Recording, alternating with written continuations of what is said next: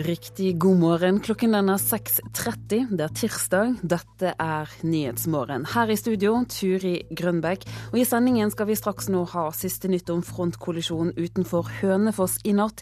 Tre personer har mistet livet i trafikkulykken. Dessuten skal vi til Iran, for i dag er det på dagen 35 år siden revolusjonen i landet. Men det er ingen grunn til å feire, mener iraner som er på vei til oss. Og så skal vi til Berlin, for den norske filmen 'Kraftidioten' har fått mye skryt og mange lovord under filmfestivalen. Og Hva som blir sagt etter verdenspremieren, det blir det altså mer om her i Nyhetsmorgen. Tre personer har mistet livet i en trafikkulykke på rv. 7 nordvest for Hønefoss. Like før midnatt frontkolliderte en buss og et vogntog. Erik Vanstad er innsatsleder i politiet. Det som har skjedd her, det er en møteulykke på rv. 7 mellom en eh, buss og trailer. Hvorav eh, et eh, omfattende skadete. Mange involvert. Vi har tre omkomne og tre skadde. De skadde er kjørt til, med helikopter til Ullevål og sykehus med ambulanse. Til sammen elleve personer var involvert i ulykken som skjedde ved midnatt.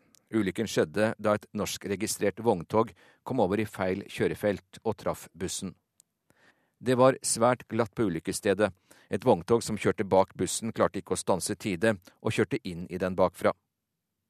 Sjåføren av vogntoget som kom over i motsatt kjørefelt, er nå rutinemessig siktet. Det sier operasjonsleder Ole Kristian Bakkedal i Nordre Buskerud politidistrikt. Det var eh, omstendigheter på ulykkessted hvor eh, vogntoget hans eh, var kommet over i motgående kjørefelt. Og ehm, det da mer eller mindre rutinemessig ehm, blir tatt blodprøve og midlertidig beslag i førerkortet, hvilket medfører en siktelse. Reporteren var Hans-Jørgen Solli. I Oslo er en mann sendt til sykehus med alvorlige skader etter at han ble stukket ned med kniv i en leilighet ved Carl Berner i natt. To personer ble pågrepet på stedet. Den kongolesiske forsvarsadvokaten til Joshua French tror på frifinnelse når dommen faller i dag. French er tiltalt for å ha tatt livet av cellekameraten Kjostolf Moland. Til NRK sier advokaten at han tror dommeren har innsett at det ikke har skjedd noe ulovlig. Forsvarsadvokaten sier at French vil anke dommen på stedet dersom han blir funnet skyldig. Men aktor har erklært at han vil anke dersom French blir frifunnet. I dag starter rettssaken etter Aksla-drapet i Ålesund. En 24 år gammel mann bosatt i Ålesund er tiltalt for å ha voldtatt og drept den 21 år gamle studenten Anja Veløy Aarseth på byfjellet Aksla i august i fjor. Alt tyder på at vi står overfor en kriminell handling. En tung beskjed å få etter en leteaksjon som hadde vart i to døgn. Flere hundre personer hadde deltatt i letingen etter den 21 år gamle studenten Anja Veløy Aarseth, som var meldt savnet. Nå var hun funnet drept. Fire dager senere ble en mann bosatt i Ålesund pågrepet og siktet for drapet. Mannen tilsto at det var han som drepte den 21 år gamle kvinnen. Vi går også ut med dødsårsaken nå. Det er kvelning. I tillegg så vil også siktelsen bli utvida til å gjelde seksuelt misbruk. Rettssaken starter i dag med tiltaltes forklaring. Mange er spent på hva han kommer til å si, og hvordan han kommer til å fremstå i retten. Studentene ved Høgskolen i Ålesund er forberedt på at dette kan bli tøft, sier leder i studentparlamentet, Kristine Årnes. Alt kommer jo tilbake igjen. Eh, fra det som skjedde i høst. Og det blir nok eh, noen tøffe uker. Da tror jeg jeg snakker for mange flere enn meg sjøl. Trolig kommer påtalemyndighetene til å be om at tiltalte blir dømt til forvaring. Det betyr at han kan bli sittende inne på ubestemt tid. Det er fordi rettspsykiaterne som har undersøkt 24-åringen, mener at det er stor fare for gjentakelse. Retten har kalt inn rundt 30 vitner i saken, som blir avsluttet mandag i neste uke. Og det sa reporter Trond Vestre. I dag feires det i Iran. Det er den islamske revolusjonens seiersdag og nøyaktig 35 år siden Ayatollah Khomeini kom til makten i Iran. Men langt fra alle iranskfødte mener at det er grunn til å feire. Masih Keshvari, du er stortingsrepresentant for Fremskrittspartiet og er født i Iran to år etter revolusjonen. Hva var det som gjorde at familien reiste derfra? Grunnen til at eh, min familie og mange reiste, er jo at eh, etter eh, revolusjonen i 1979 så ble jo Iran tatt over av religiøse ekstreme. Og et regime som systematisk har forfulgt, trakassert, fengslet, torturert og henrettet alle politisk opposisjonelle. Religiøse minoriteter og eksportert terror og terrorvirksomhet rundt omkring i verden. Eh, og det er jo veldokumentert. Eh, dessverre så var det slik at eh, Iran under Shahen var jo et diktatur da også, som var langt friere. Så når folk gjorde revolusjon, så ville de ha frihet og demokrati.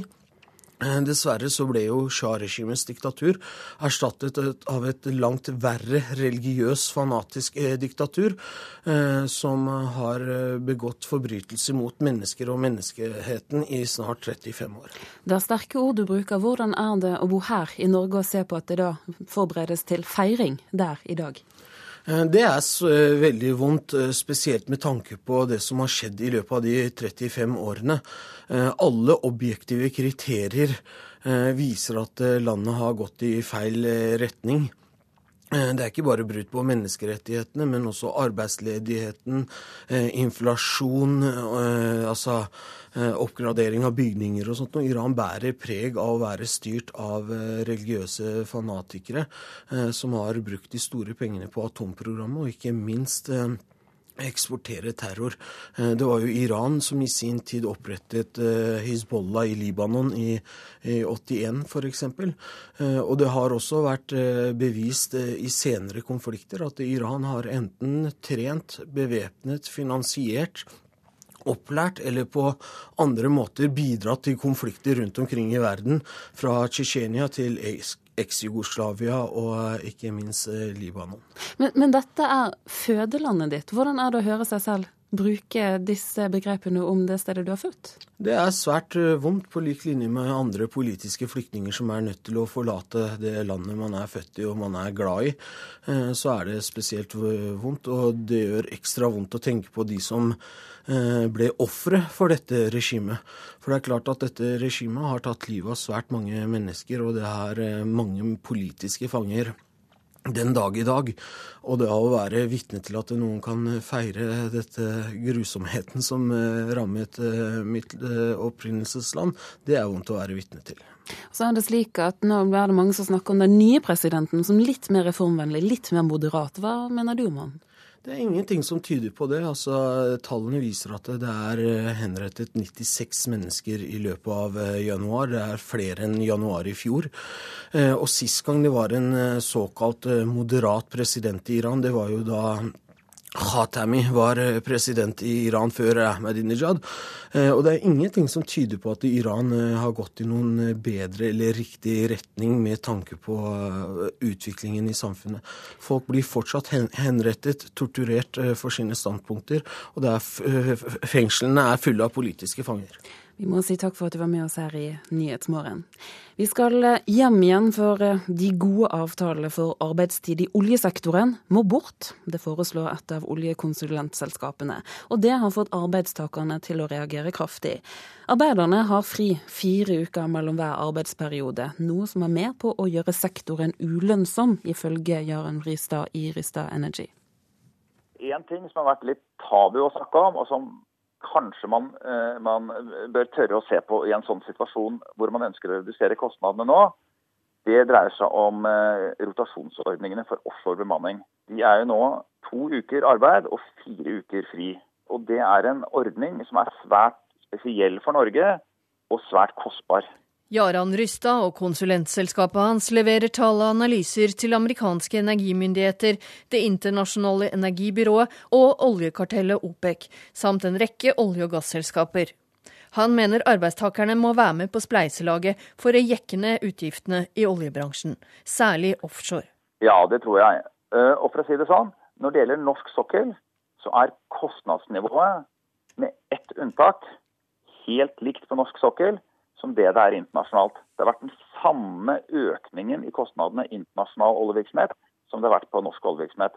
Den eneste særegne trekket på norsk sokkel er at vi har spesielt kostbar offshore bemanning. Og det skyldes dels lønningene, men først og fremst rotasjonsordningene. Så hvis du skal gripe fatt i det ene tingen som er forskjellig og dyrere i Norge, så er det akkurat det vi sa nå. Kort tid tilbake sa investor Jens Ulltveit mot i Dagens Næringsliv at Statoil er som et enormt fat der fagforeningene har forsynt seg. Men det er ingen ny problemstilling, selv om Statoil nå melder om at de må kutte kostnader. Da riggutvalget til Eivind Reiten i 2012 leverte forslag til å øke verdien av oljeformuen, var endringer i arbeidstidsordninger et av forslagene. Men det er leverandørkostnadene, ikke lønnskostnadene, som er hovedårsaken til den dårlige lønnsomheten i petroleumsbransjen i dag, mener Ødegård og arbeidstakerne. Enten er det uvitenhet eller en avsporing av debatten uh, hva, hva, dette her dreier seg om. 2-4-ordningen, som er to uker på jobb og fire uker fri, gir totalt 1460 arbeidstimer i et år. De manglende timene i forhold til et normalarbeidsår betaler arbeidstakerne med et lønns- og pensjonsnedtrekk på 7,71% Ja, Det er et totalt bomskudd. for at Ved overgang til 2-4 gikk jo arbeidstakerne med på å redusere kostnadene. Det var uten bemanningsøkning. Så det vil si at Hvis man da skal tilbake igjen til 2-3-2-4, så vil jo alle oljeselskapene få en kostnadsøkning på 8% Og Jeg kan liksom ikke helt se at det er med på å redusere kostnadene. Det er faktisk det stikk motsatte. Reporter, det var Hedvig Bjørgum. Tiden er inne for å se nærmere på dagens avisforsider. Og det er flere av avisene i dag som har OL på sin forside, uten nødvendigvis å legge vekt på idrettsprestasjoner. For det har vært en del oppstuss rundt IOC og Gerhard Heiberg. Etter sørgebåndmarkeringen sa han at nordmenn er arrogante. Og nå raser både sportsutøvere og kjendiser mot uttalelsen, og både VG og Dagbladet har denne saken på sine forsider. OL-deltakerne får ikke snakke fritt om politikk og risikerer straff dersom de tar opp menneskerettigheter. Det er hovedoppslaget til Vårt Land i dag. Så kommer det trusler fra EU om sanksjoner mot Sveits etter at sveitserne har stemt for å begrense arbeidsinnvandringen fra EU. Det står på forsiden av Klassekampen. Det kan ligge an til en pensjonskrig mellom LO og NHO i lønnsforhandlingene, det skriver Dagsavisen.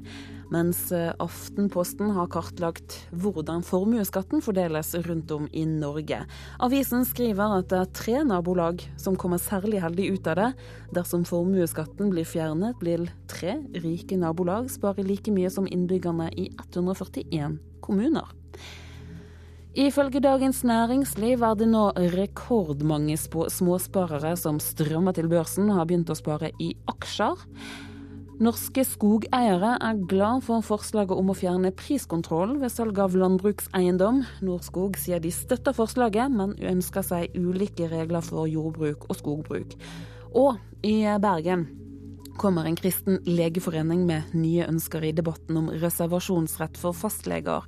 I tillegg til reservasjon mot henvisning til abort, vil Norges kristelige legeforening også reservere seg mot kunstig befruktning og innsetting av kobberspiral, og nå setter fylkeslegen i Hordaland foten ned. Det skriver Bergens Tidende. Vi skal tilbake til OL og til Emil Hegle Svendsen, som innrømmer at han er litt i villrede. Den store favoritten i skiskyting aner ikke hvorfor han er i dårlig form, men NRK-ekspert mener forberedelsene er altfor dårlige. Det er kjipt, kjipt å stå her akkurat nå. Ja. Så spørsmålet er hva som har skjedd med en av OLs største favoritter.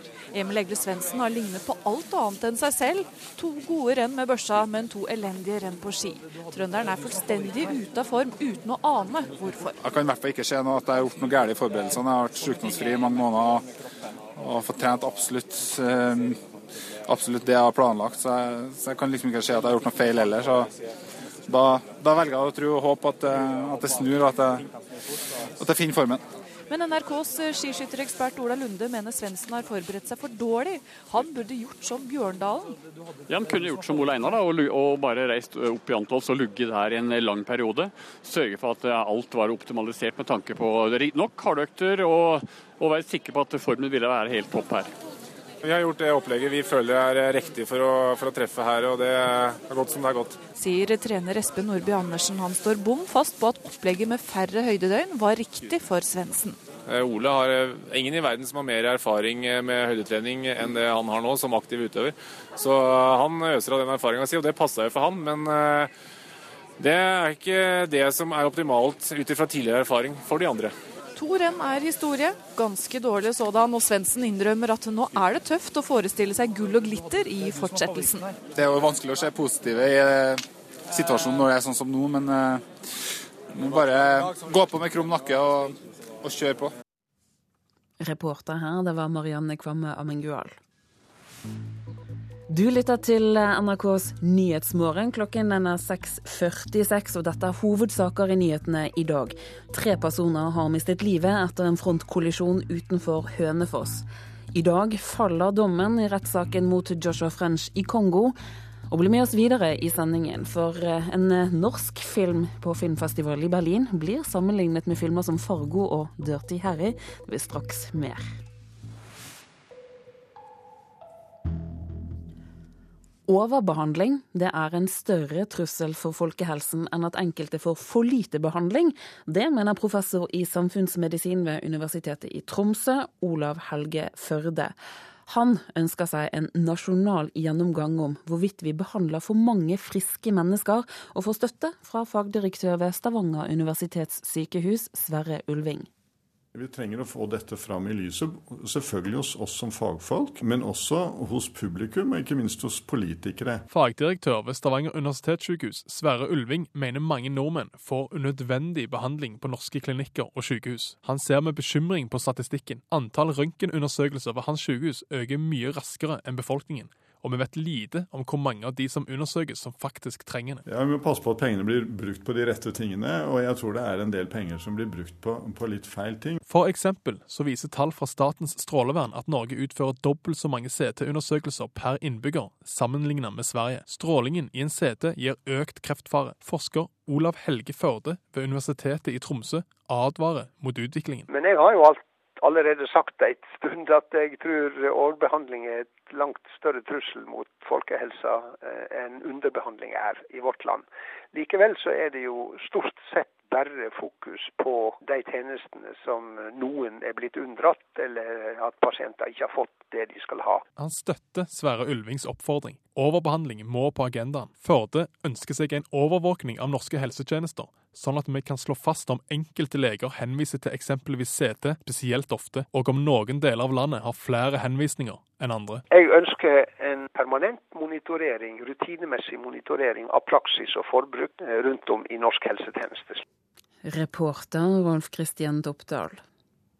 Er det slik at man må tro på en gud for å være religiøs? Ja, mente Kunnskapsdepartementet. De nektet den private humanistskolen med 60 elever å starte sekulær livssynsskole på religiøst grunnlag. Men nå er departementet tvunget til å se på saken på nytt. Daglig leder Ole Martin Moen håper at skolen kommer i gang til høsten. Humanistskolen er en ungdomsskole som bygger på et sekulært humanistisk livssyn. Så på humanistskolen så er det ikke noe KRLE-fag, hos oss er det et filosofifag. Og hos oss er kritisk tenkende en grunnleggende ferdighet i alle fag. Fordi dagens privatskolelov krever at privatskoler må ha et alternativt formål i forhold til den offentlige skolen, søkte Humanistskolen om godkjenning på religiøst grunnlag, som er eksplisitt nevnt i loven. Men Utdanningsdirektoratet sa nei 1.4.2011, et avslag som ble stadfestet av Kunnskapsdepartementet ett år senere. Først i november i fjor snudde departementet og ba direktoratet behandle søknaden på nytt. Og der ligger den fortsatt. Det hadde vært en langdryg prosess. Vi søkte i 2010 eh, og fikk eh, vite fra Kunnskapsdepartementet at vi kan ikke starte en privatskole fordi vi ikke tror på Gud. Vi har ikke gudetro eller gudsdyrkelse, som de skrev i sitt brev. Og dette er et uakseptabelt grunnlag å bli eh, avslått på. Så vi klaget da saken inn for Likestillings- og diskrimineringsombudet, som har gitt oss fullt medhold. Og det samme har Justisdepartementet gjort. Justisdepartementets lovavdeling og Likestillings- og diskrimineringsombudet slo fast at sekulært livssyn er å anse som religion, og dermed innenfor formålsparagrafen i privatskoleloven. Noe annet vil være et brudd på Grunnloven, diskrimineringsloven og internasjonale konvensjoner. Men selv om Kunnskapsdepartementet måtte snu, er saken fortsatt ikke behandlet. Utdanningsdirektoratet opplyser at de behandler søknader fortløpende, og lover et svar senest 1.4. Det kan være for seint, sier Ole Martin Moen, som har skolelokaler i Forskningsparken på Gaustad på hånda. Så selv om vi har søkere, selv om vi har lærere, eh, selv om vi har en læreplan vi er veldig stolte av, så, så trenger vi en hastebehandling for å få dette i gang. Og nå har vi ventet i fire år på denne på denne behandlingen. Og vi har fått avslag fordi vi ikke tror på en gud. Det er et uakseptabelt avslag. Kunnskapsdepartementet opplyser at de ikke vil gripe inn i saksbehandlingen fordi de er klageinstans. Høyres utdanningspolitiske talskvinne på Stortinget, Kristin Vinje, sier at hele saken hadde vært unngått hvis endringene i privatskoleloven som regjeringen ønsker, hadde vært gjeldende. Det viser jo kanskje at eh, loven sånn som den er nå ikke fungerer helt etter hensikten. og Det er jo beklagelig at man skal bruke så lang tid for å få avklart et sånt spørsmål for den skolen det gjelder. Og med eh, den nye privatskoleloven som er på trappene, så hadde dette vært unngått? Ja, altså Regjeringen vil jo åpne for at flere kan drive offentlig finansierte friskoler, og erstatte krav til formål med krav til innhold og kvalitet. Og Hvis det hadde vært gjeldende, så hadde jo vi sluppet denne runden Eh, som vi ser her nå. Det sa stortingsrepresentant Kristin Vinje fra Høyre. Reporter var Olav Juven. Den norske filmen 'Kraftidioten' har fått en strålende mottagelse under filmfestivalen i Berlin. I går var det verdenspremiere på filmen. Filmen konkurrerer om en av verdens gjeveste filmpriser, nemlig Gullbjørnen.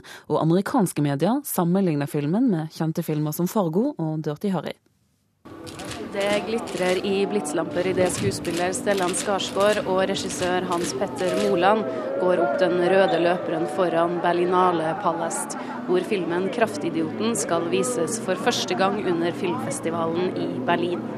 Regissør Hans Petter Moland er nervøs. Han vet ikke ennå hvor svært gode anmeldelser filmen kommer til å få. Det går jo som det går. Tidligere på dagen satt Moland og drakk champagne for å roe nervøsiteten foran premieren. Ja, vi har vel hatt øh, pressekonferansenerver først. Nå begynner det å lette litt. Grann. Og så er det premierenerver. Ja. Kraftidioten handler om Nils, spilt av Stellan Skarsgård, som kjører snøplog i en fjellandsby. Da sønnen hans forsvinner, blir Nils dratt inn i et narkotikaoppgjør mellom norsk og serbisk mafia. Hva vil du? Han har drept Ingvar. Ryktet sier at Ingvar har stjålet en veske fra greven. Skarsgård var, i motsetning til regissøren, ikke så nervøs for filmens mottagelse. Nei, ikke premierenerve. Og dessuten så Jeg tror at det kommer å gå veldig bra for den. den eh, den har jo redan solgt til de fleste territorier i verden, tross at den ikke har hatt premiere. Mens filmen pågår, tikker det inn anmeldelser fra verdensberømte tidsskrifter som Variety, Hollywood Reporter og Screen. Alle like hyllende.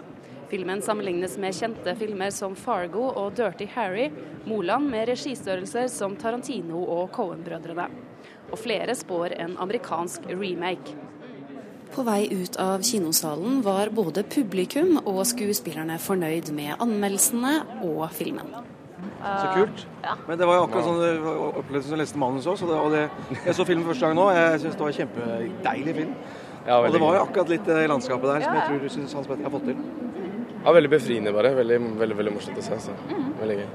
Anders Båsmo Christiansen, Jakob Oftebro, Jon Øygarden og Atle Antonsen, alle spiller de i Kraftidioten. Eh, hvordan gikk visningen? Jeg vet ikke at det gikk veldig bra, ja, altså. Mm. Så det var god stemning. Men det er jo kjempegøy med at man har gode kritikker eh, ja. i Variety og sånt. Ja, ja. Det er fantastisk. Ja.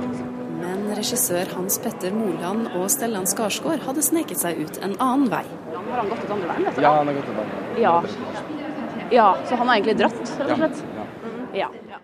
Og vi hørte her reporter Eirin Venås Sivertsen. nå om filmen vinner Gullbjørnen, det blir avgjort førstkommende lørdag.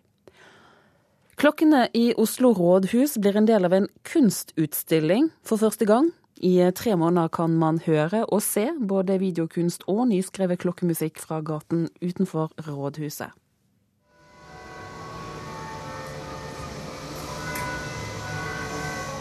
Slik er vi vant til å høre klokkene i Oslo rådhus.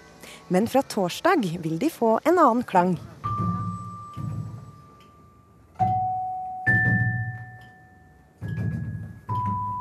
For øverst i rådhustårnet, 65 meter over bakken, sitter klokkenist Laura Marie Rueslåtten Olseng. Med knyttnevene hamrer hun løs på tangentene, mens et par gullsko danser over pedalene. Det er, det er, noen sprang her som går veldig fort og ganske store avstander. Så det er mye bevegelse, faktisk, i, i stykket. Så det er litt gøy. For det er ikke dette Rueslåtten Olseng vanligvis spiller. For første gang skal nemlig rådhusklokkene være en del av en kunstinstallasjon. Den har fått navnet Barn som faller, og er et samarbeidsprosjekt mellom kunstner Charlotte Thies Evensen og hennes ektemann Eivind Buene. Han har komponert klokkespillet og var svært spent da de hadde sin første gjennomgang på fredag. Ja, vi gjorde en gjennomkjøring klokka tolv. Um, og da sto jeg nede og lyttet, og fant ut at det ble litt for svakt. Så at det må spilles litt sterkere. Så det var, men det var interessant. Det var første gang jeg hørte det. det sånn uh, utenfor mitt eget hode og på disse ordentlige klokkene.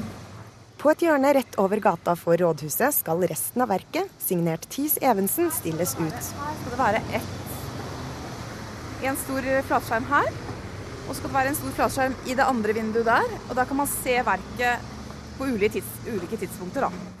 Og så vil det være informasjonsplakater som forteller om når man kan høre klokkespillet sammen med videoverket, hvis man har lyst. Videoinstallasjonen viser to gutter som dytter på hverandre.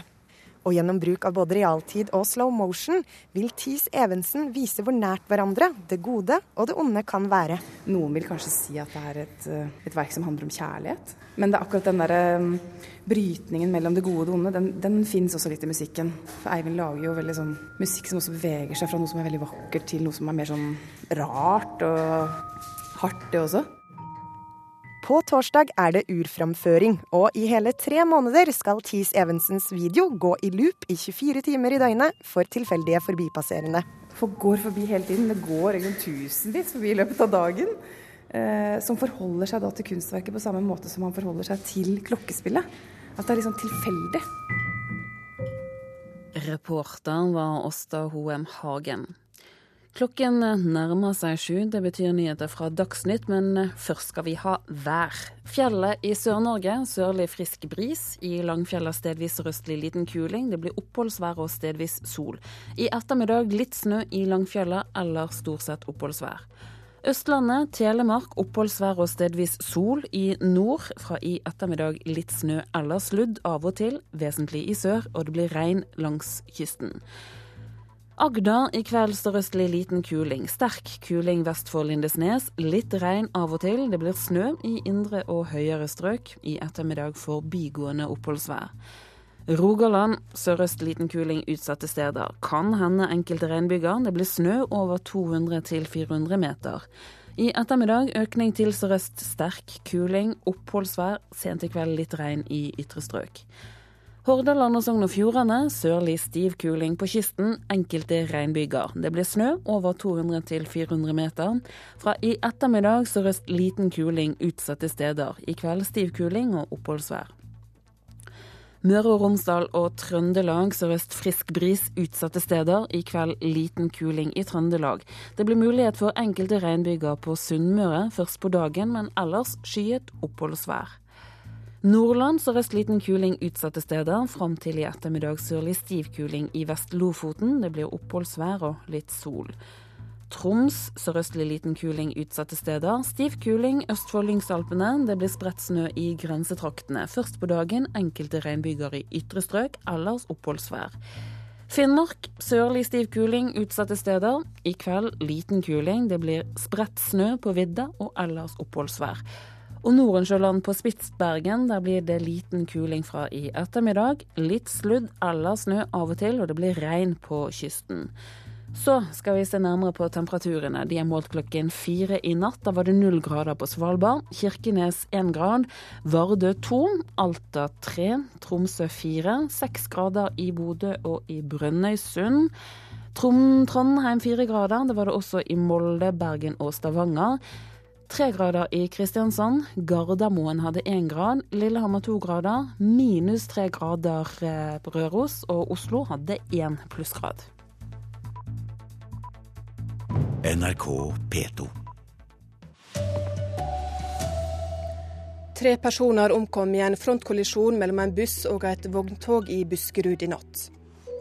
Spesialpedagog mener ettåringer bør lære ord og begrep. Her er NRK Dagsnytt klokka sju. Tre mennesker mista livet og tre ble skadde i en frontkollisjon mellom en buss og et vogntog på Ringerike i natt. Kollisjonen skjedde på rv. 7 ved Veme like før midnatt. Etter ulykka kjørte et vogntog inn i de to kjøretøyene. Det var veldig glatt, sier sjåfør Gudjon Gudmundsson. Det var veldig glatt på veien. Veldig, veldig, veldig glatt. Så det var ikke så bra. Hvordan eh, merka du det på, på vogntoget? Jeg så det litt, litt, før, litt før jeg kom til uh, kom til, kom til den til krasjen, da var hangen han var svingen helt over veien og sånn. Rett før jeg kom til. Og Så så jeg, så jeg bilen og sto på bremsen, og det skjer ingenting. Bare går fram. Hva tenkte du mens du sklei mot Jeg bare jeg skulle stoppe. Jeg håper de stopper. Det er oppretta et kriseteam etter ulykka. Sykepleier Geir Hagen forteller at de allerede har snakka med flere av de involverte, og at de nå står klare til å hjelpe de som trenger det. Både med eventuelt eh, samtaler og kontakte pårørende, og eventuelt eh, forberede hjemreise. Er slike situasjoner noe dere har en beredskap på i Ringerike kommune? Ja, det er det. Vi har døgnbasert eh, kriseteamberedskap.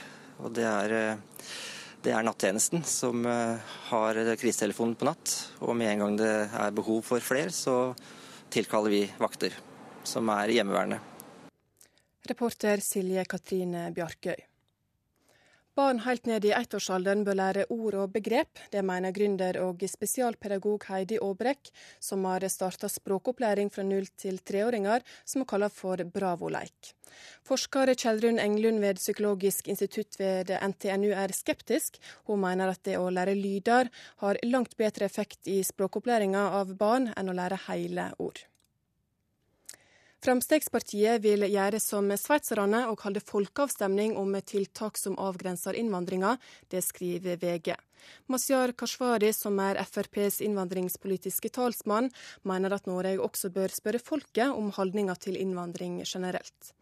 Han eh, sier til avisa at han er helt sikker på at det er flertall for innstramninger på tvers av det flertallet av norske partier mener. En mann er sendt til sykehus med alvorlige skader etter at han ble stukket ned med kniv i en leilighet ved Carl Berner i Oslo i natt. To menn ble pågrepne på stedet. Det var NRK Dagsnytt ved Ingvild Ryssdal. Du lytter til Nyhetsmorgen i NRK P2 og Alltid nyheter. Vi fortsetter bl.a. med mer om rettssaken mot Joshua French. I dag faller dommen. Vi skal straks til Kongo. Dessuten blir det mer om at ettåringer må få systematisk språkopplæring, og det mener spesialpedagog. Men eh, først nå skal vi til trafikkulykken utenfor Hønefoss. Like før midnatt så frontkolliderte en buss og et vogntog. Reporter Silje Katrine Bjarkøy, du har vært på stedet i natt. og Hvordan vil du beskrive ulykken? Da jeg kom til stedet, så ser jeg eh, et vogntog som eh, står eh, litt på tvers i veien opp i grøfta i, i høyre kjørefelt i retning vestover, altså opp mot Hallingdal på rv. 7. Og i den Det ser ut som bussen har truffet hengeren Truffet vogntoget rett bak førerhuset. Men det var vanskelig å se akkurat hvor det har truffet Eh, andre, I andre kjørefeltet så sto et uh, vogntog nummer to som da har sklidd inn i de to som har kollidert, og det så kaotisk og alvorlig ut på ulykkesstedet. Hva vet vi om årsaken? Politiet jobber nå med å, å, finne årsaken på hva som har skjedd. Så langt så er det de sier at uh, vogntoget skal ha kommet over i feil uh, kjørebane og da kollidert med bussen som var på vei mot uh, Sogn og Fjordane. det var fryktelig glatt på stedet. Og det, det er jo det som kan ha vært årsaken til ulykken. Og Hva er skadeomfanget? Tre mennesker er omkommet. Eh, bussjåføren er blant de omkomne, og to personer, en kvinne og en mann, eh, som satt langt fremme i bussen. Eh, sjåføren av vogntoget har, er sendt til sykehus og er under observasjon. Og blir også mottatt fra kriseteamet. Og det er tre stykker som er alvorlig skadd. Én eh, ligger til observasjon på Ringerike sykehus, mens to er flyttet til eh, universitetssykehus, eh, Ullevål universitetssykehus i Oslo. Tre personer er her på pårørendesenteret på hotell Ringerike og er kommet fysisk uskadd fra ulykken. Hvordan blir de pårørende tatt vare på? Kriseteamet fra Ringerike kommune har eh, vært eh, i arbeid i hele natt og tatt imot eh, de som har vært innblandet i ulykken. De har tilbudt samtaler og, og det å kunne snakke igjennom hva som har skjedd, i tillegg til å kunne sørge for at de får et uh, godt sted å sove og bli tatt vare på på den måten de trenger, enten på sykehuset eller her på hotellet. Og de kommer også til å bistå nå på morgenen med å hjelpe dem uh, videre, både med samtaler og det å kontakte pårørende og, og vite, hjelpe dem å komme dit de skal. Politiet, da, hvordan jobber de nå? Kriminalteknikerne eh, jobber nå på åstedet for å, for å prøve å forsøke å finne ut hva som skjedde. Det eneste som er eh, helt klart, er at det var fryktelig glatt. Det var altså så glatt på bakken da jeg gikk ut fra bilen at jeg ikke kunne løfte bena da jeg gikk vanlig. Jeg måtte subbe dem nede i bakken for å ikke falle. Så det er klart at eh, det å kjøre vogntog og buss på en sånn vei, det, det er en utfordring. Reporter Silje Katrine Bjørke, takk skal du ha.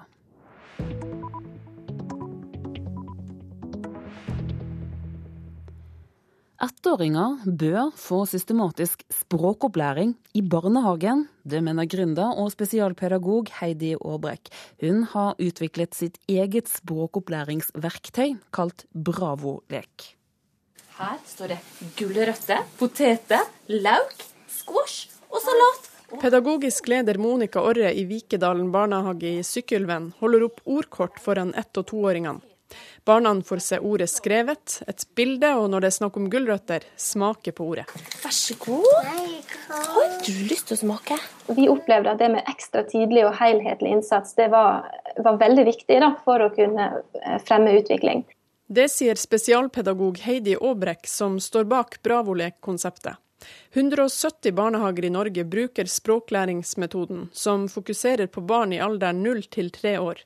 Aabrek forklarer hvorfor de mener det er så viktig å starte tidlig.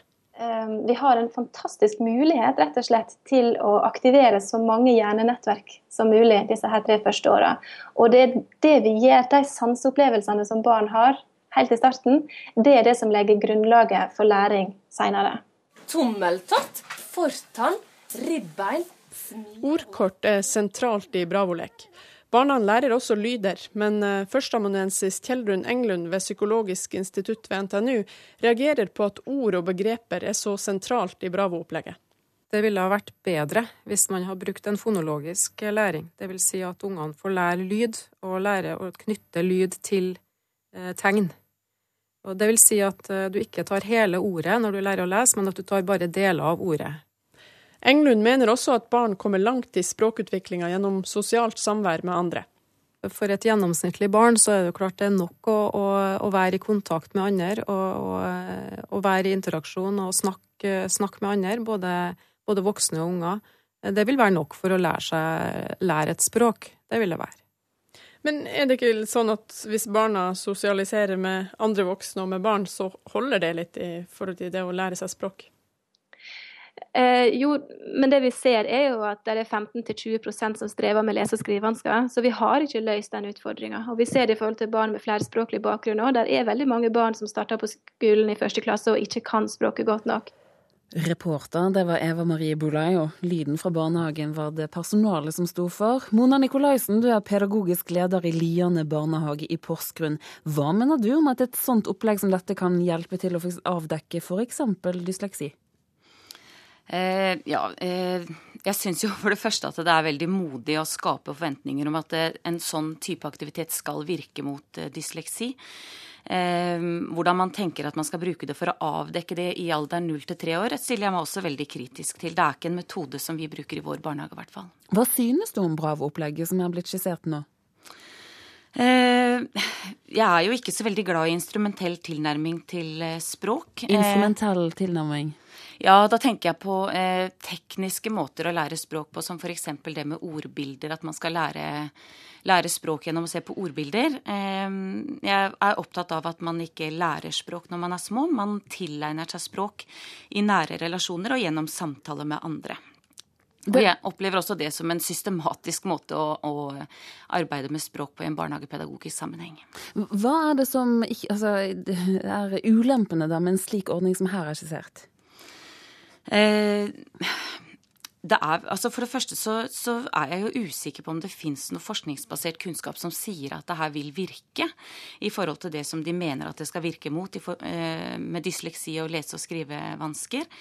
Eh, samtidig så kjenner jeg jo litt på at der, det læringstrykket som har oppstått i det siste, hvor det eneste som teller, er å lære seg å lese og skrive, og at det, jo tidligere vi bare starter, jo bedre er det. det jeg kan tenke at det med levd liv og det å få lov til å leke og være sammen som mennesker, ehm, at det kanskje er det aller viktigste når barn er så små. Hvordan tenker du da at det er best at barna lærer språk?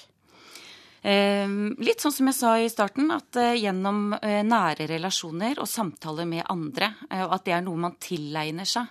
Man tilegner seg et språk man lærer det ikke teknisk i så ung alder. Så, altså, du er da, som jeg nevnte, pedagogisk leder i Liane barnehage i Porsgrunn. Mhm. Hvordan gjør dere det? Nei, vi er eh, sammen, da. Vi snakker mye. Vi bruker alle situasjoner i løpet av en dag til å samtale med barn om alle de tingene som vi gjør. Altså vi, språket er jo det som gjør at vi er i relasjon til hverandre. Så når vi kler på, så benevner vi. Når vi spiser mat, så snakker vi sammen. Når vi opplever ting, så, så, samtaler vi om det som skjer, og aller helst i små grupper, sånn at alle får muligheten til å komme til orde. Nå kan jeg forestille meg at det kanskje sitter en del foreldre ved radioapparatet og føler seg litt forvirret. Hvilket råd vil du gi dem? Nei, jeg vil vel gi det rådet som, eh, som, jeg tror veldig mange vil gi, og det er å satse på Altså tenke det, ha tillit til at nære relasjoner og gode samtaler er nok. Vi har eh, lært oss språk opp gjennom alle tider, mye Altså lenge før både Bravo-leken og språkpakker og alle tekniske ting kom inn, så har barn lært seg å, å snakke, og folk har lært seg å skrive og lese, og jeg er klar over at det er noen som har problemer, og det får man ta når de tingene dukker opp, tenker jeg. Mona Nikolaisen, takk for at du var med oss her i Nyhetsmorgen. Vi skal til Kongo nå, for i Kinshasa gjør dommeren i French-saken seg klar til å lese opp dommen. Det skal skje i dagens rettsmøte. Reporter Marit Kolberg, du er der i Kinshasa. Hva er det som kommer til å skje i retten i dag? Slik som dommer Serge Bondo har forklart det da jeg snakket med han, så starter dette Eh, og følger en ganske fast prosedyre der det begynner med at tiltalen blir lest opp. Så kommer han til å gjennomgå bevisene i denne saken. Og selvfølgelig trekke fram de uh, aktuelle paragrafene og hvordan dette skal anvendes i forhold til loven. Han uh, vil også da gå gjennom en vurdering av disse bevisene. Og Det blir jo spennende å høre på, for her har du jo bl.a. Eh, to rettsmedisinske rapporter som kommer med helt forskjellige konklusjoner. Og Så kommer han fram til eh, dommen til slutt, og da får vi da vite om det militære tribunalet mener French er skyldig eller ikke skyldig i drapet på Kjøttholt Moland. Men dersom French blir dømt, kommer dommen til å bli anket? Det har eh, forsvarerne hans gjort eh, klinkende klart, at blir han dømt skyldig i dette, så anker de. Akkurat når det skjer er litt usikkert. Eh, Moila, den kongolesiske forsvarsadvokaten, sa at det kan skje allerede i morgen ettermiddag. Ellers er det mulig han kan anke på onsdag. Og han har en frist på 10-15 dager, han husker ikke helt hvor mange, på å ta denne beslutningen. Så forsvarerne anker. Og aktoratet har jo tidligere sagt at blir han frikjent, så kommer de til å anke saken. Så det ser jo ut som det er en stor sannsynlighet for at det blir en runde nummer to uansett. Dommeren, hvor fritt står dommeren i en kongolesisk militærdomstol? Det er ikke lett å vite. Det er eh, mange skjulte agendaer i dette landet. Det kan være det kommer direktiver fra oven. Det kan være det ikke gjør det. Og det kan være at man tar beslutninger ut ifra eh, egeninteresse eller andres interesser eller ut ifra press.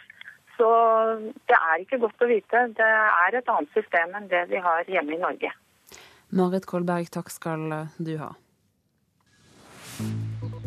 Klokken den er 7.15. Du lytter til Nyhetsmorgen i NRK P2 og Alltid nyheter. Hovedsaka denne morgenen. Tre personer har mistet livet etter en frontkollisjon utenfor Hønefoss.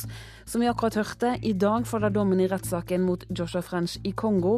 Og bli med oss videre i sendingen, for den franske presidenten er på besøk i eh, USA. Vi skal til USA om litt.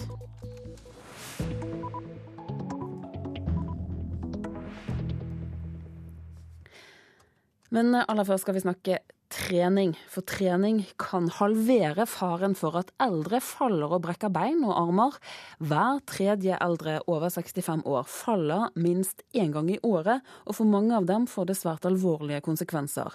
Men eh, trening det kan forebygge fall, sier spesialist i eldremedisin Anette Hyl Ranhoff.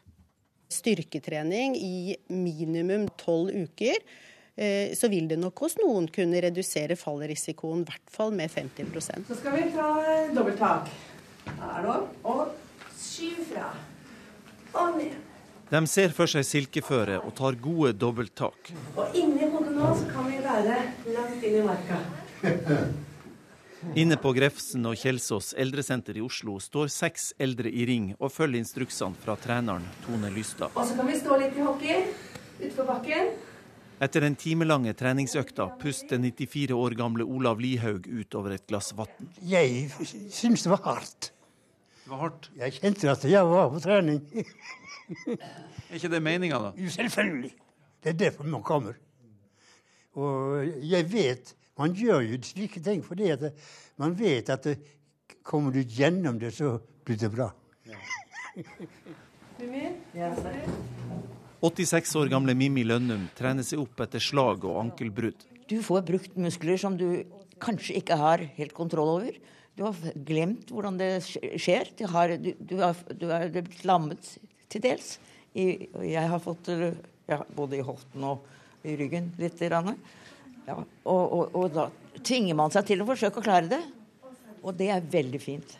Fysioterapeut Tone Lystad har målt og ser at de eldre blir i merkbart bedre form etter tolv uker med trening. Jeg ser eh, bedre score, på, mm, særlig på styrke- og balansedelen av den testen.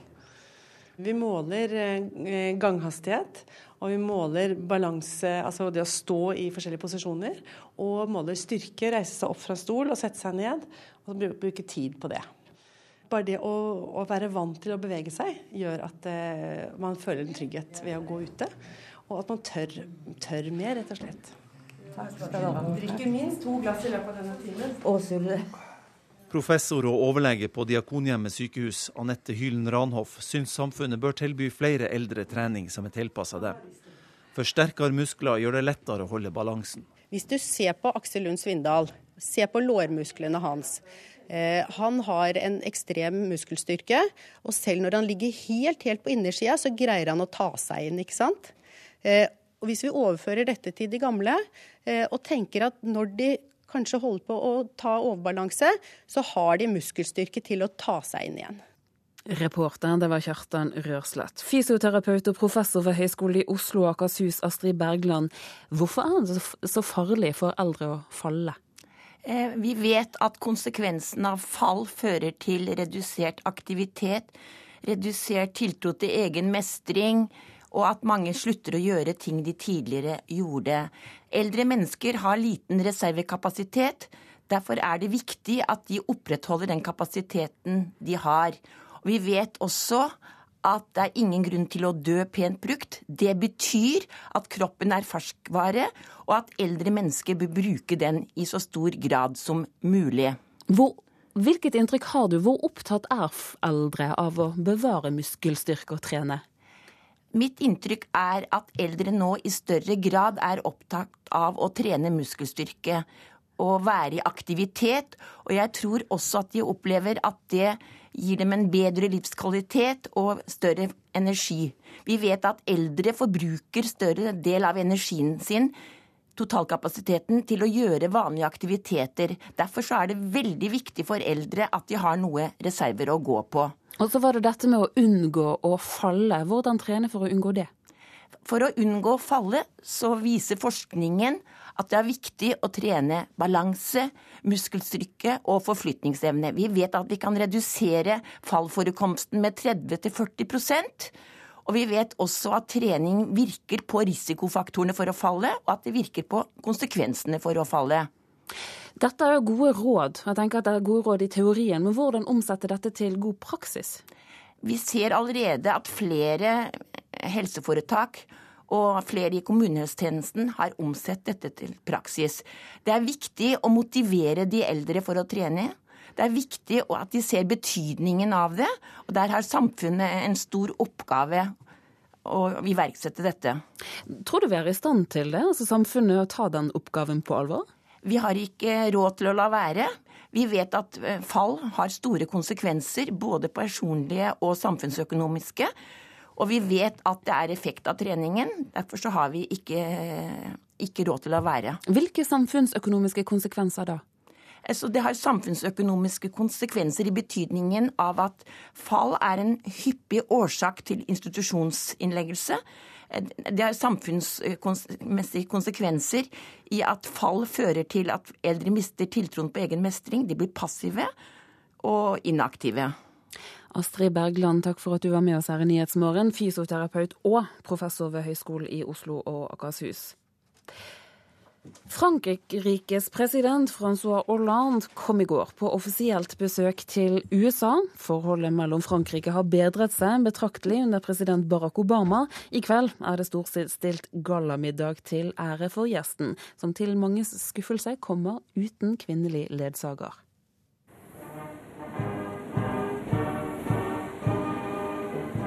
Akkompagnert av en litt tung utgave av den franske nasjonalsangen ankom Francois Hollande den amerikanske hovedstaden i går ettermiddag.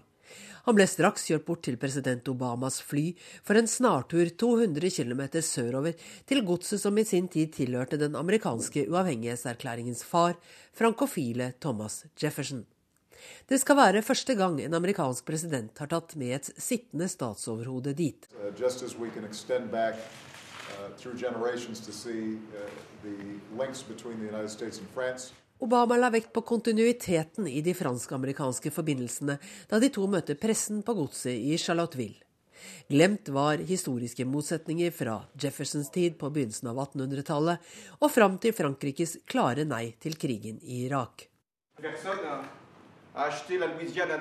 Hollande kvitterte med et takk for invitasjonen og en henvisning til at Jefferson i sin tid kjøpte delstaten Louisiana av Napoleon. I en felles artikkel i avisen The Washington Post i går skriver de to presidentene om en fornyet allianse. Det vises til forhandlingene om atomavtale med Iran, Frankrikes tilbakevenden til Natos militære samarbeid og landets aktive rolle i Libya, franske styrker og amerikansk støtte i Mali, og felles mål når det gjelder kampen for å bremse klimaendringene. De to presidentene står ideologisk nær hverandre et sted i sentrum venstre, er for å bruke staten som aktivt instrument i økonomisk politikk og har flere høyteknologiske samarbeidsprosjekter på gang.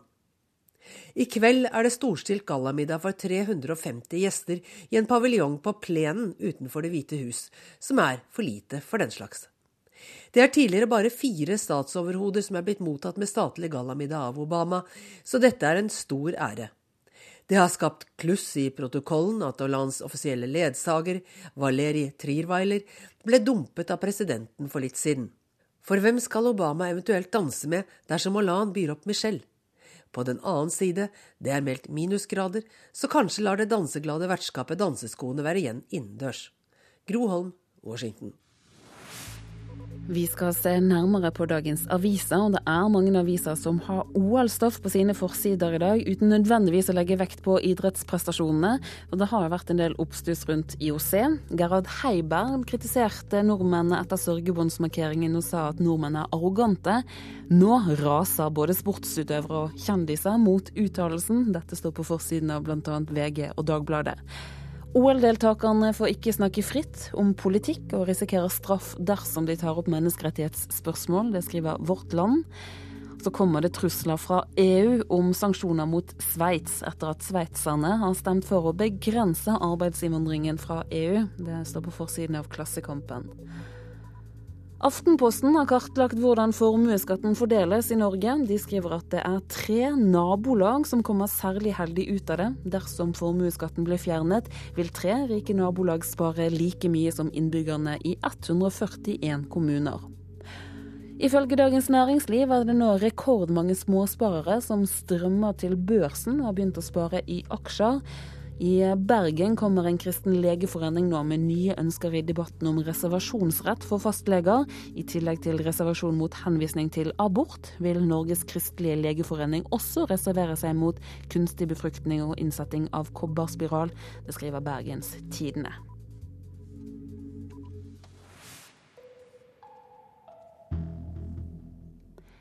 Dronningslaget arrangeres for første gang 8. mars på Liamoen i Kongsvinger.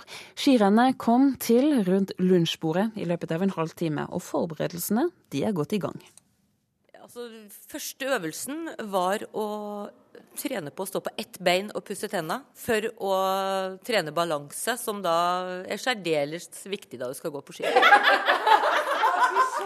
Anne Huse er en av dem som jobber i kontorfellesskapet som står bak ideen om dronningslaget. Nei, så vi har, vi, Etter hvert så tror jeg vi nesten vi skal lage litt business på dette her, skal vi ikke det? Skal vi det. Dronningslaget kommer til å bli et millionbedrift.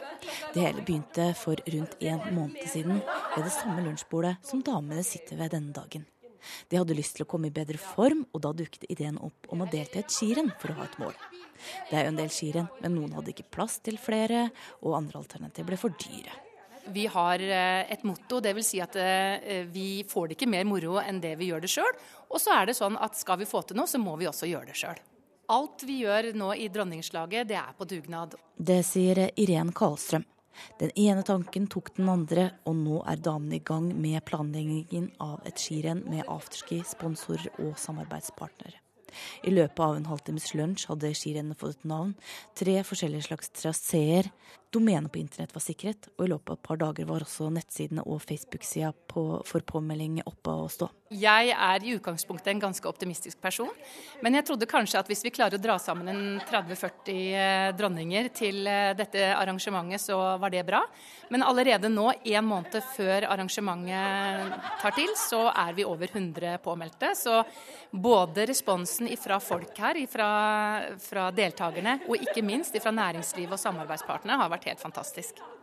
Men selv om hele ideen om skirenn kom til med mye latter og tullete forslag rundt lunsjbordet, har gjengen nå store ambisjoner. Det er jo sånn at Når vi først eh, skaper et slikt arrangement, så ønsker vi å ha et profesjonelt arrangement. Og selvfølgelig ser vi jo muligheten og potensialet i de neste årene til å kunne skape noe i denne regionen som ikke finnes fra før. Og Derfor tror jeg at dette kan bli et eh, arrangement som eh, fremover både kan bestå av flere aktiviteter, men som også blir mye større. Så klart vi har ambisjoner på vegne av hele denne regionen. Datoen 8. mars er ikke tilfeldig valgt for dato for skirennet. Dersom noen ønsker å ha på seg røde strømper, så skal de få ha det. Men utgangspunktet er jo at uh, vi hadde forberedt oss på å gå den 8. mars. Og uh, flere her har lagt inn formtoppen til den 8. mars, og derfor blir det den datoen. Sånn er det. 8. mars klokka to. Da slår formen til, ja. Men 8. mars er jo også den internasjonale kvinnedagen, og dronningen som damene tenkte på når skirennet fikk navn, var dronning Sofie av Norge og Sverige. Hun tilbrakte sommerferiene i dette området fra 1892 til 1904. Dronning Sofie var kjent for å være liberal og ha stor innflytelse på sin mann, og det sies også at hun bidro til at det ikke ble krig mellom Norge og Sverige ved unionsoppløsningen i 1905. Og vi sier at vi er jo også ganske frimodige av oss, og vi tror at dronningslaget og dronning Sofie er, eh, har litt av de samme verdiene. Og Dronningslaget er ikke det første slaget som utspiller seg ved Liamoen i Kongsvinger. Det har vært to slag ved Lier skanse tidlig på 800-tallet. Reporter det var Ann-Kristin Moe. Du lytter til Nyhetsmorgen. Vi skal straks ha Dagsnytt. Etter Dagsnytt skal vi til Midtøsten. Da handler det om forsøkene USAs utenriksminister gjør for å få israelere og palestinere til å bli enige om å leve sammen i fred. Produsent for Nyhetsmorgen i dag, det er Kari Bekken Larsen. Her i studio, Turi Grønbekk.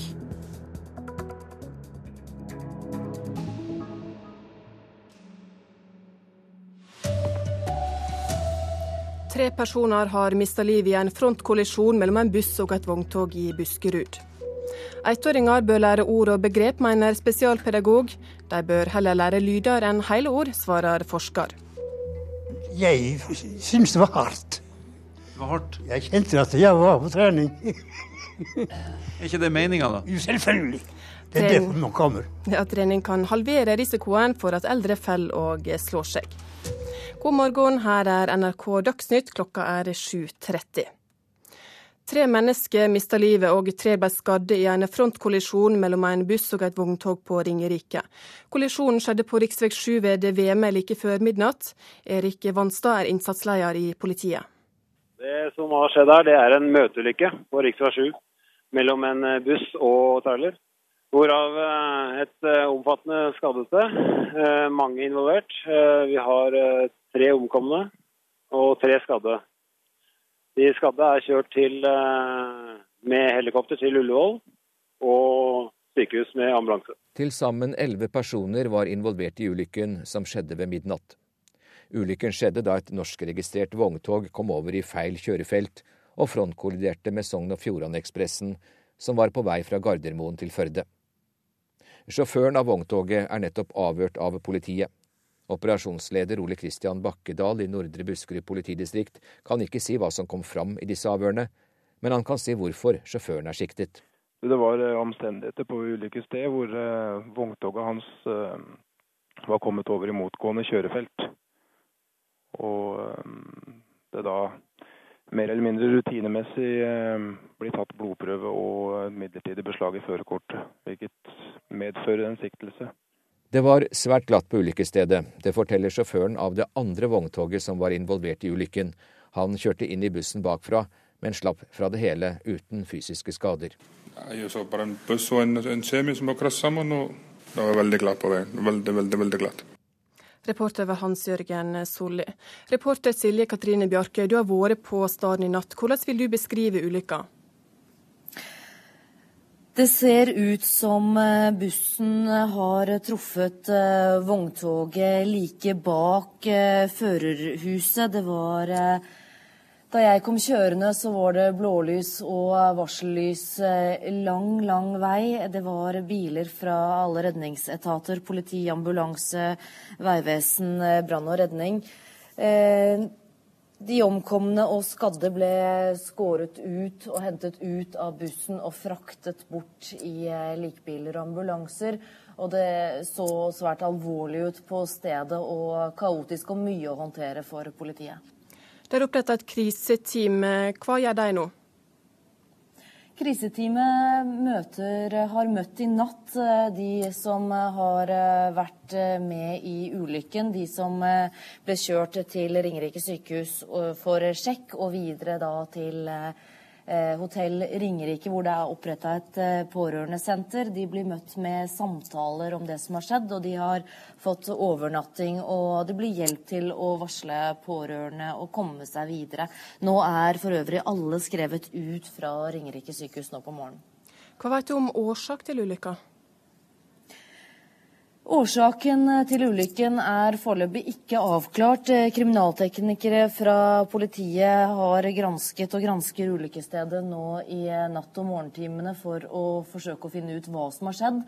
Det som er veldig klart, er at det var fryktelig glatt på stedet. Da jeg kom ut av min bil og satte bena på asfalten, så skled de unna meg. Og det kan jo selvfølgelig ha vært med på å være årsak til ulykken.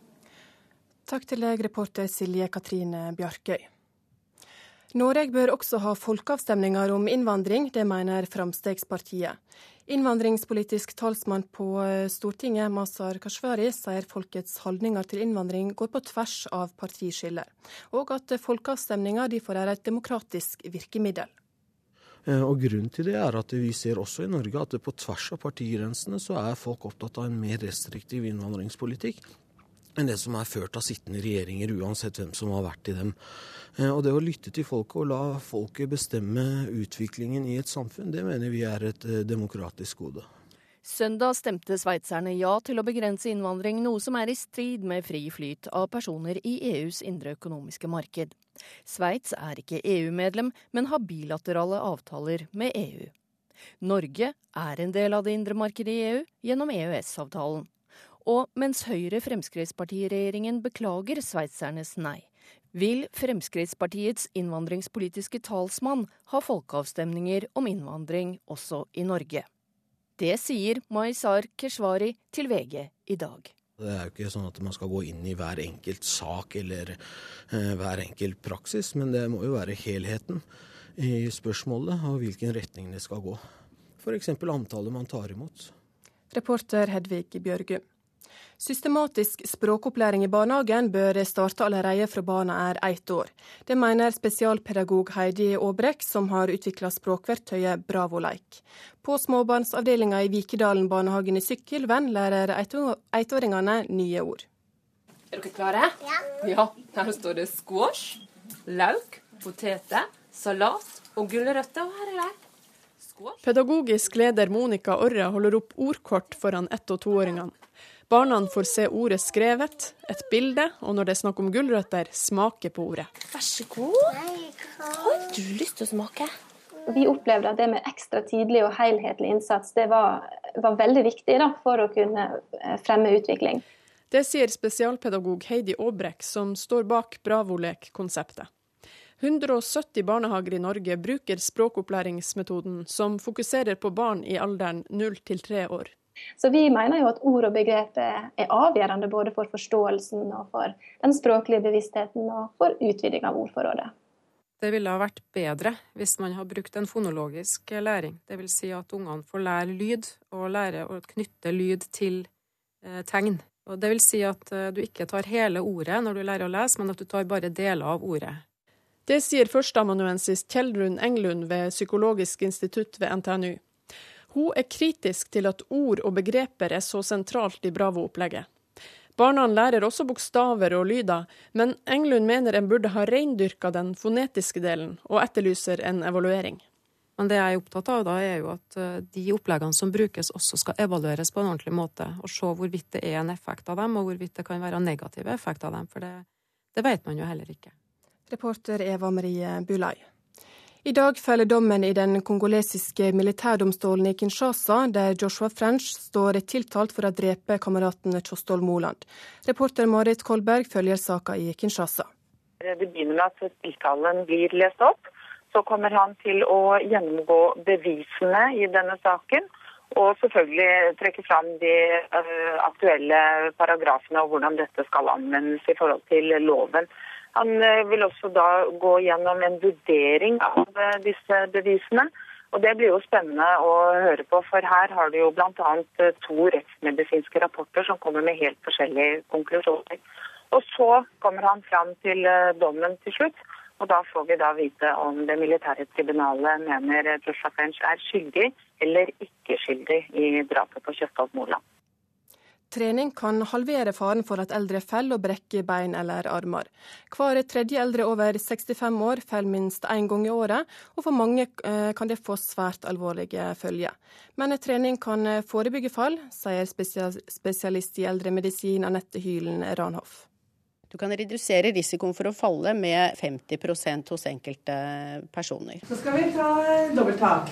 Og Skyv fra. De ser for seg silkeføre og tar gode dobbelttak. Og inni hodet nå så kan vi være være langt inn i marka. Inne på Grefsen og Kjelsås eldresenter i Oslo står seks eldre i ring og følger instruksene fra treneren Tone Lystad. Og så kan vi stå litt i hockey. Etter den timelange treningsøkta puster 94 år gamle Olav Lihaug ut over et glass vann. Jeg syns det var hardt. Jeg kjente at jeg var på trening. 86 år gamle Mimmi Lønnum trener seg opp etter slag og ankelbrudd. Du får brukt muskler som du kanskje ikke har helt kontroll over, og da tvinger man seg til å forsøke å klare det. Fysioterapeut Tone Lystad har målt og ser at de eldre blir i merkbart bedre form etter tolv uker med trening. Jeg ser eh, bedre score, på, mm, særlig på styrke- og balansedelen av den testen. Professor og overlege på Diakonhjemmet sykehus, Anette Hylen Ranhoff, syns samfunnet bør tilby flere eldre trening som er tilpassa dem. Dette er jo mye større effekt enn veldig mange legemidler har mot andre problemer. Så dette er effektiv medisin. Reporter Kjartan Røslett. Ansvarlig for denne sendinga var Anne Skårseth, Hanne Lunås, og mitt navn er Ingvild Ryssdal.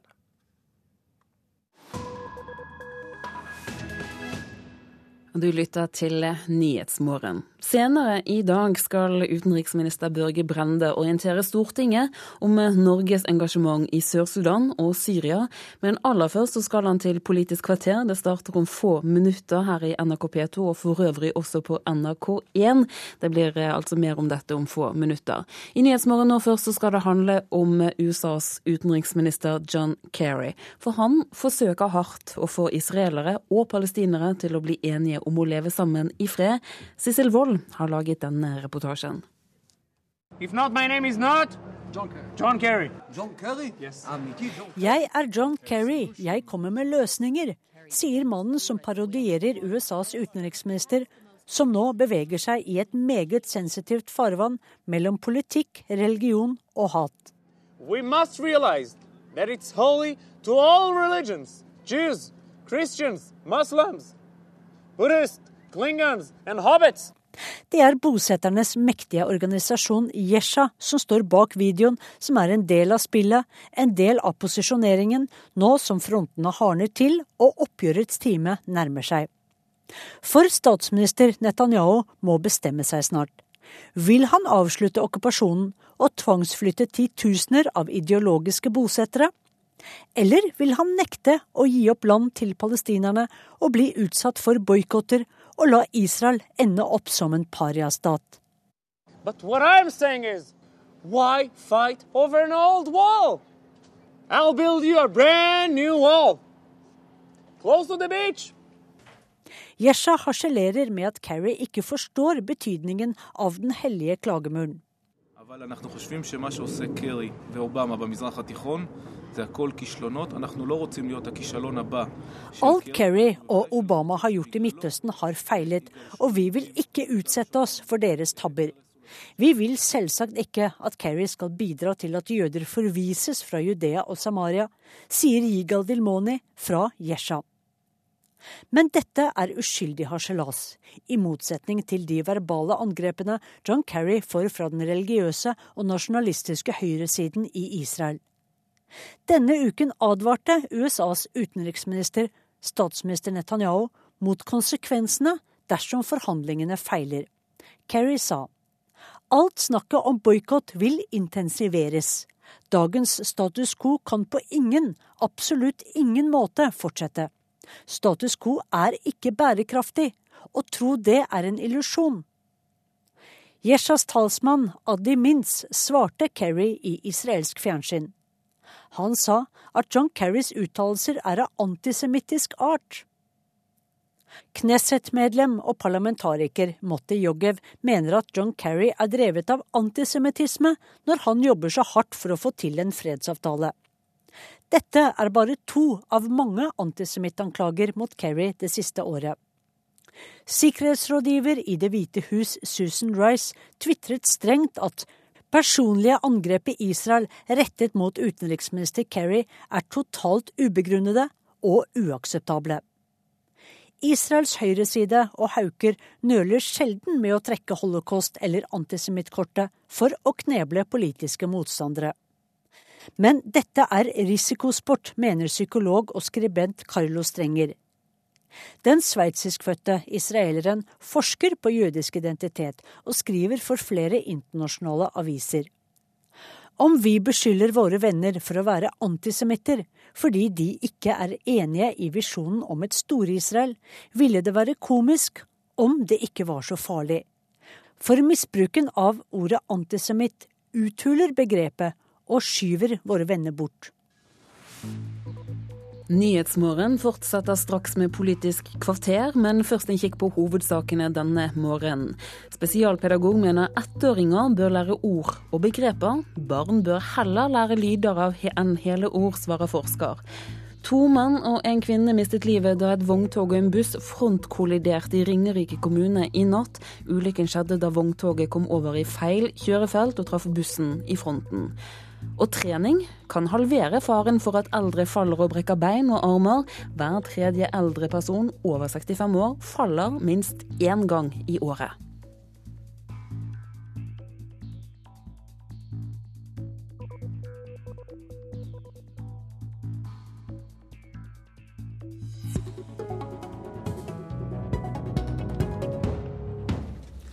Arbeidsministeren vil rydde opp i Nav og møter Arbeiderpartiet til debatt. Og utenriksministeren skal orientere Stortinget om krisene i Syria og Sør-Sudan, men først kommer han hit til Politisk kvarter. Velkommen til Politisk kvarter i NRK P2 og NRK1 TV. Jeg heter Per Arne Bjerke. God morgen, Lise Christoffersen. Stortings, stortingsrepresentant for Arbeiderpartiet og medlem av arbeids- og sosialkomiteen. I formiddag har du en interpellasjon i Stortinget til arbeidsministeren der du spør hvilke endringer han vil gjøre med Nav. Hva mener du han bør gjøre? Ja, jeg registrerte jo at uh, statsråden var veldig offensiv før valget og sammenligna Nav i dag med å ha 429 svigermødre og ramse opp en rekke tiltak. Jeg registrerer at han er litt roligere nå og ønsker å utrede først. og uh, Det kan kanskje være klokt, men jeg syns at noe av det aller viktigste det er å fortsette det forenklingsarbeidet som bl.a. Rigmor Aasrud begynte på. Uh, å få på plass IKT-systemet blir da helt vesentlig. Eh, Rigmor Aasrud foreslo 45 tiltak for eh, en enklere forvaltning, og minst sju av dem handla om eh, forenklinger i Nav. Jeg syns at statsråden bør låne øre til de ansatte i Nav, som har vært veldig tydelige på at en bør fjerne det en har i dag av todelt ledelse. Mer makt ut i førstelinja, mer vekt på godt sosialfaglig arbeid. Og så syns jeg at statsråden bør involvere Stortinget, sånn at eh, alle gode ideer kan slippe til. Og Hvordan han velger å gjøre det, det får han jo selv svare på, men muligheten er der. Stortinget er klart. Vi får høre med ham, han sitter ved siden av deg. Arbeidsminister Robert Eriksson fra Fremskrittspartiet. Det manglet jo ikke på kritikk fra deg da du satt i opposisjon på Stortinget for et halvt år siden. Nå har du altså blitt statsråd og har mulighet til å gjøre noe. Når kan vi vente forbedringer? Du vil merke forbedringer ganske fortløpende, men la meg aller først få lov til å si det at Nav har utvikla seg over år til å blitt en byråkratireform fremfor en brukerreform. Jeg er svært opptatt av at vi skal ha brukerne. Det var Fremskrittspartiet opptatt av i opposisjon. Høyre-Fremskrittsparti-regjeringa er også veldig opptatt av det i posisjon, å sørge for et avbyråkratisert Nav, et enklere Nav. Hva betyr det? Jo, det betyr at vi skal ha en enklere oppfølging for sykemeldte under sykeoppmeldingssystemet løpet. Det er viktig. Det betyr at vi må gå gjennom alle typer regler og skjema som skaper tungroddhet, byråkrati, uh, uforståelighet. Uh, vi har sett to saker av det i den senere tida. Det som går på Downs, mm. det at du har, har amputert bein. Det er mange sånne ting som vi skal gå gjennom nå. Da trenger vi også et ekspertutvalg som kan peker på hvordan skal vi gjennomføre det. Jeg har klare bilder i mitt hode det har jeg hatt mm. hele tida på hvordan vi skal gjøre det. Og så må vi føre mer makt ned til, til, lokalkontorene.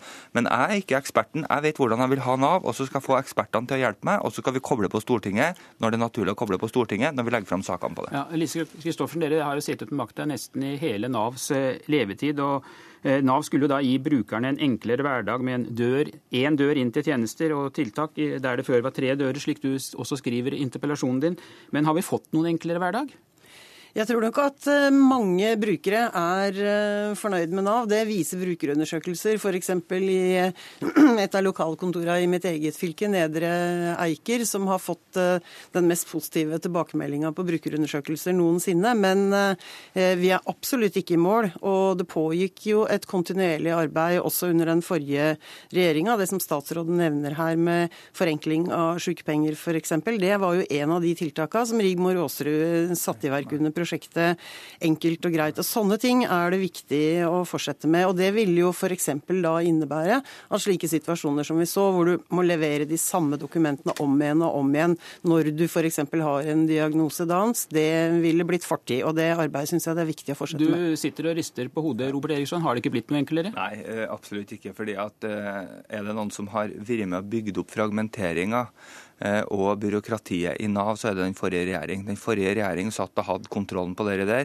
kjørte gjennom det fra 1.7.2006, eh, og har egentlig på mange måter skapt et fragmentert, byråkratisk Nav. Vi skal forenkle Nav. Og Hvis du ser i forhold til sykefraværsoppfølginga, så er det ikke riktig sånn som Arbeiderpartiet eh, sier. Hvis vi så tar i fjor høst, da, så brukte Nav 69 årsverk på å følge opp skjemaene i sykefraværsoppfølginga. 69 årsverk. Jeg sier det nå at De årsverkene må vi heller bruke på å hjelpe folk tilbake til arbeidslivet. Det må forenkles. Det var den forrige regjering som bygde opp både kontroll- og, og, og sanksjonsregime innenfor, innenfor uh, sykefraværsoppfølging. Langt ifra forenkling, det var byråkratisering. Lise Kristoffersen. Ja, eh, jeg tror nok at eh, Robert Eriksson har rett i at alt ikke er perfekt i Nav etter den rød-grønne regjeringa, men det har jo heller ikke vi sagt. Vi gikk jo bl.a. til valg på å fortsette det arbeidet. Og det er riktig, sånn som jeg sier, at et av de 45 tiltakene som Rigmor Aasrud lanserte, var jo en forenkling av behandling av sykepenger. En annen var forenkling av behandling av foreldrepenger. Du har 550 000 henvendelser til Nav i året i dag med folk som ikke skjønner hvordan en skal fylle ut skjemaer for foreldrepenger. Og det var et av de tiltakene tiltakene som satte øverst. En organisasjon som brukerne ikke forstår hvordan de skal bruke? Ja, Det er sikkert mange forklaringer på det. Jeg tror at uh, en av forklaringene er at uh, Nav-reformen enda ikke er helt på plass sånn som Stortinget ønska. At du skulle ha en myndig førstelinje som skulle få lov til å ta beslutninger når det f.eks. gjaldt midlertidige ytelser. Der har vi sett at det har vært en intern tendens i Nav til å organisere seg i spesialenheter fjernt fra folk. Det er en utvikling som jeg mener at Stortinget må på banen og si at det var ikke sånn vi ville ha det, og den utviklinga må vi snu. Eriksson? Ja, det viktigste jeg skal gjøre nå, det er å lytte til folk, brukerne. Jeg har vært rundt og reist og møtt mange brukere rundt omkring i landet. Gjorde jeg også i 80 år som medlem i arbeids- og sosialkomiteen. Vi skal høre på dem som, som opplever tjenestene hver eneste dag i Nav. Vi skal, vi skal lytte til de som jobber i førstelinjetjenesten i Nav. Det arbeidet har vi satt i gang. Den måten, Da bygger vi en forenkla Nav nedenfra og, og opp. Ikke at vi lager byråkratiet ovenfra og ned. Vi skal ha en brukerreform. Det er det som er det viktige for meg. Forenkling er viktig, og det er viktig at brukerne får riktig ytelse til riktig tid. Vi har sett altfor mye at vi har hatt for komplekse, byråkratiske og tungrodde måter å tilnærme dette på, som har ført til at vi bruker lang saksbehandlingstid. Folk får feil ytelser, får heller ikke ytelsene til rett tid. Dette skal vi rydde opp i. Jeg vet det er ambisiøst, men, men, da må vi være framoverlent og lytte til brukeren. Det arbeidet har vi satt i gang. Det arbeidet har jeg drevet nå i 80 år. Kristoffersen? Jeg er helt enig i at en skal lytte til brukerne, men det gjør en jo faktisk allerede. Og ved å lytte til brukerne så kan en jo få stilt en diagnose. Utfordringen nå blir jo å iverksette de tiltakene som faktisk virker i eh, positiv retning. Og da er selvfølgelig forenkling av regelverket til beste for brukerne én side ved saken. Men jeg tror ikke vi kommer unna at det også må jobbes med byråkratiet, og at Nav må være både en byråkrati og en brukerreform. Robert Eriksson, tør du sitte her og love at vi en gang kommer dit at denne enorme organisasjonen fungerer slik den var tenkt å fungere? Love kan jeg ikke gjøre, men jeg sier at jeg har en sterk ambisjon om å gjøre det mye enklere, mye bedre, få et mer helhetlig Nav, sånn som det var eh, tenkt i sin tid. Et Nav som tar utgangspunkt i brukeren, ikke et Nav som tar utgangspunkt i byråkratiet. Vi skal, ha, vi skal også forenkle mye av lovgivninga knytta til velferdstjenestene, som gjør at det blir lettere å få riktig ytelse til riktig tid. Jeg er opptatt av at brukerne skal settes i sentrum, ikke byråkratiet i sentrum. Da må vi være ambisiøse, vi må være fremoverlent, og vi må jobbe kontinuerlig med forbedringer. Takk skal dere ha. Dere får fortsette debatten i Stortinget senere i formiddag.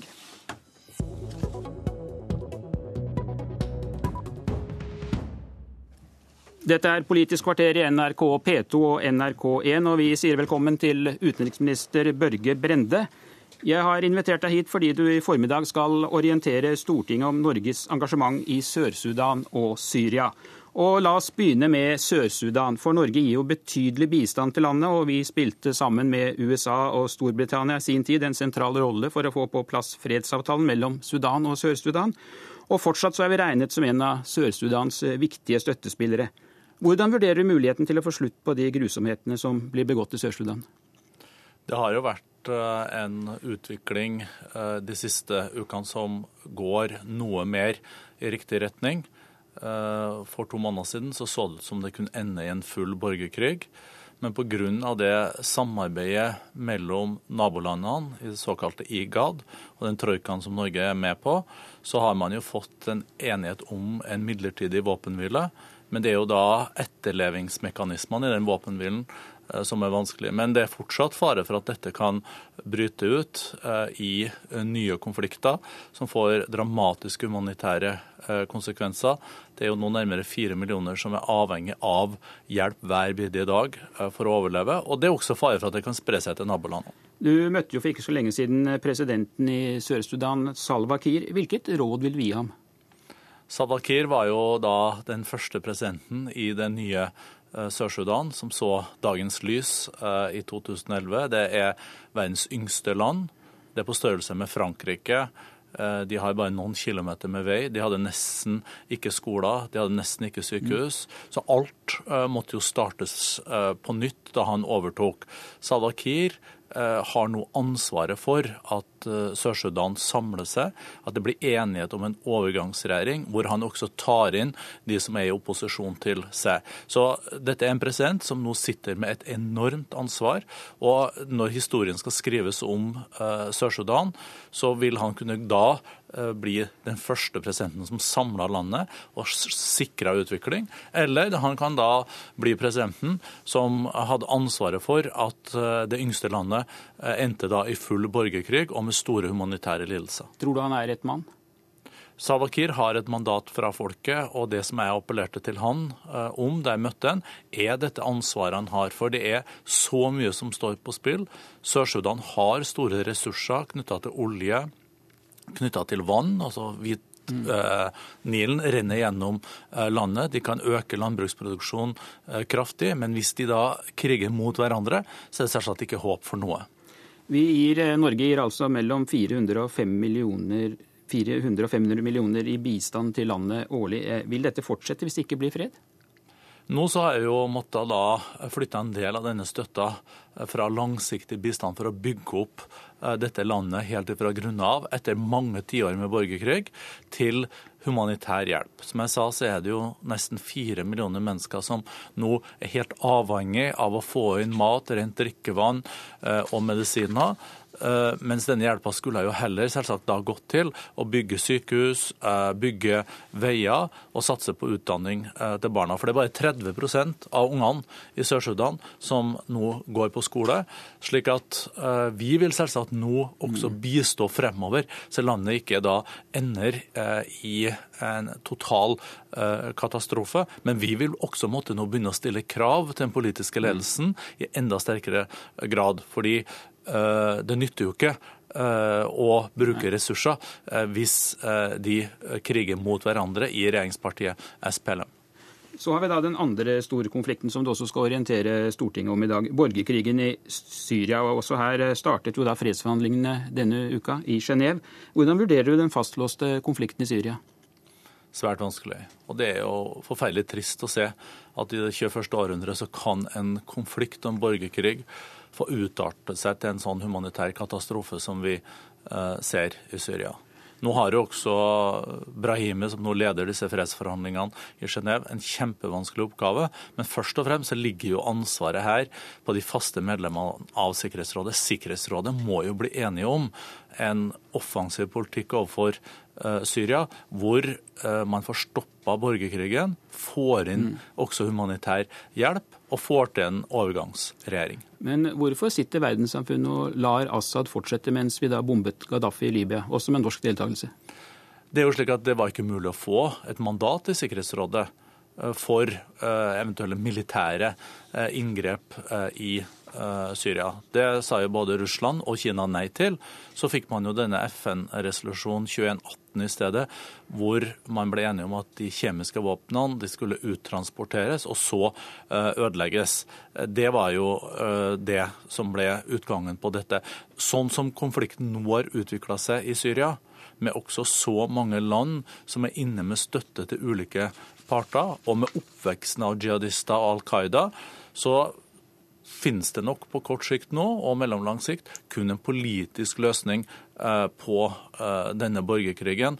Og det må skje gjennom FN, og det må skje gjennom en oppfyllelse av de vilkårene som er satt i Genéve 1-erklæringa. Kan det bli fred så lenge Assad har makten i Syria? Syria? Assad har ansvar eh, for utrolig mange overgrep mot sitt eget folk. Halvparten av bruttonasjonalprodukt har forsvunnet, blitt den største flyktningkatastrofen i det 21. århundret. Assad er ikke svaret på de fremtidige løsningene for Syria. Og der må jeg si takk til deg, utenriksminister Børge Brende. Og det var Politisk kvarter med Per Arne Bjerke. Hør flere podkaster på nrk.no podkast.